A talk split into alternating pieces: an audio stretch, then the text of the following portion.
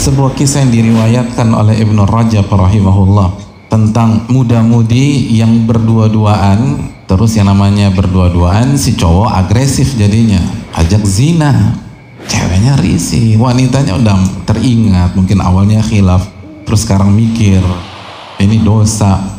Terus saya malu mas. Ngapain malu? Oh nggak ada yang ngelihat kita kecuali bintang-bintang yang di langit.